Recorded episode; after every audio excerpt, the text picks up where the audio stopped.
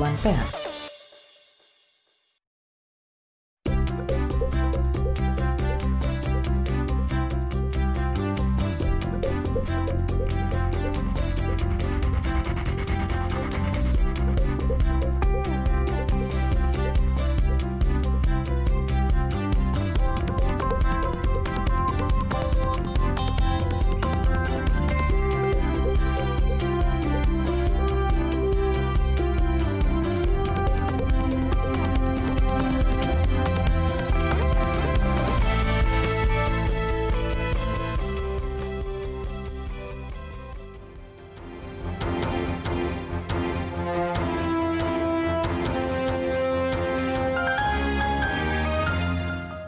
Anda mendengarkan kabar baru dari KBR bersama saya Fitri Anggreni.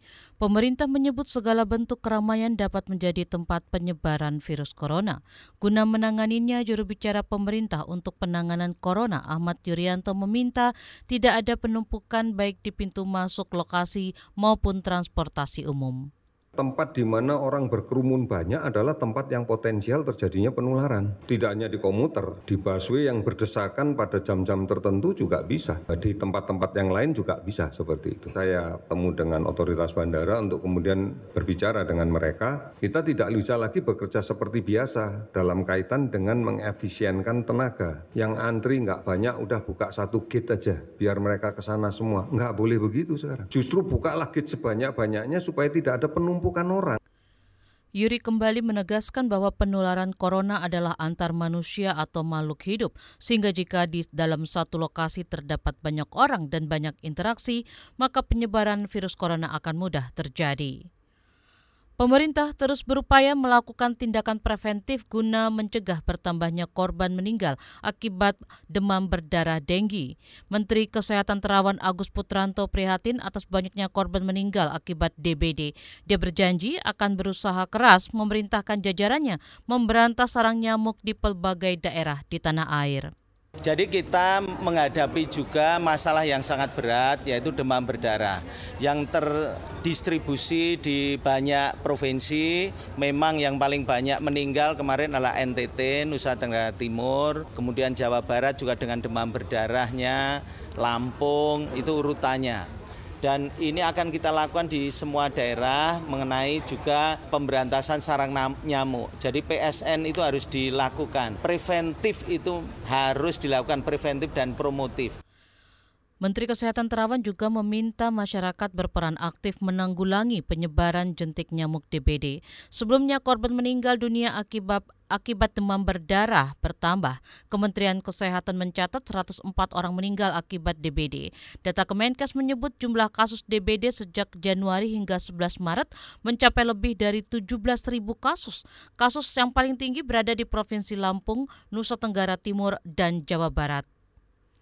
PT Pelabuhan Indonesia Pelindo II mengklaim telah menyiapkan fasilitas pengecekan suhu tubuh di 12 pelabuhan sesuai standar yang dimiliki bandara di tanah air. Direktur Utama Pelindo II Arif Soehartono mengaku setiap pintu masuk pelabuhan telah dilengkapi kamera deteksi panas serta pistol pengukur suhu. Kata dia, 12 pelabuhan yang berada di bawah Pelindo II memiliki ruang isolasi untuk penanganan penyakit tertentu untuk masing-masing terminal, karena di Priok kita ada beberapa terminal, itu juga dilengkapi dengan fasilitas-fasilitas.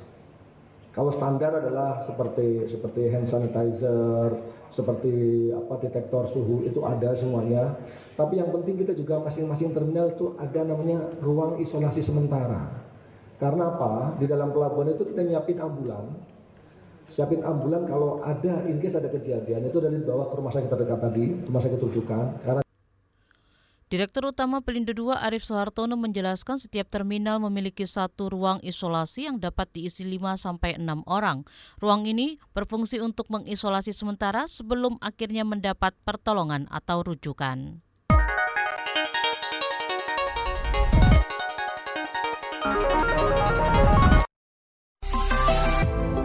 Bagaimana mengantisipasi penularan virus corona? Hingga saat ini, belum ada vaksin untuk mencegah penularan COVID-19 atau virus corona. Kementerian Kesehatan dilansir dari laman resminya membeberkan cara yang bisa dilakukan untuk mencegah infeksi virus. Di antaranya, menjaga kesehatan dan kebugaran agar sistem imunitas atau kekebalan tubuh meningkat. Mencuci tangan menggunakan sabun. Mencuci tangan sampai bersih merupakan salah satu tindakan yang mudah dan murah. Sekitar 98% penyebaran penyakit bersumber dari tangan. Karena karena itu, menjaga kebersihan tangan adalah hal yang sangat penting. Ketika batuk dan bersin, upayakan menjaga agar lingkungan Anda tidak tertular. Tutup hidung dan mulut Anda dengan tisu atau dengan lengan, bukan dengan telapak tangan. Gunakan masker penutup mulut dan hidung ketika Anda sakit atau saat berada di tempat umum. Buang tisu yang sudah digunakan ke tempat sampah dan cucilah tangan Anda.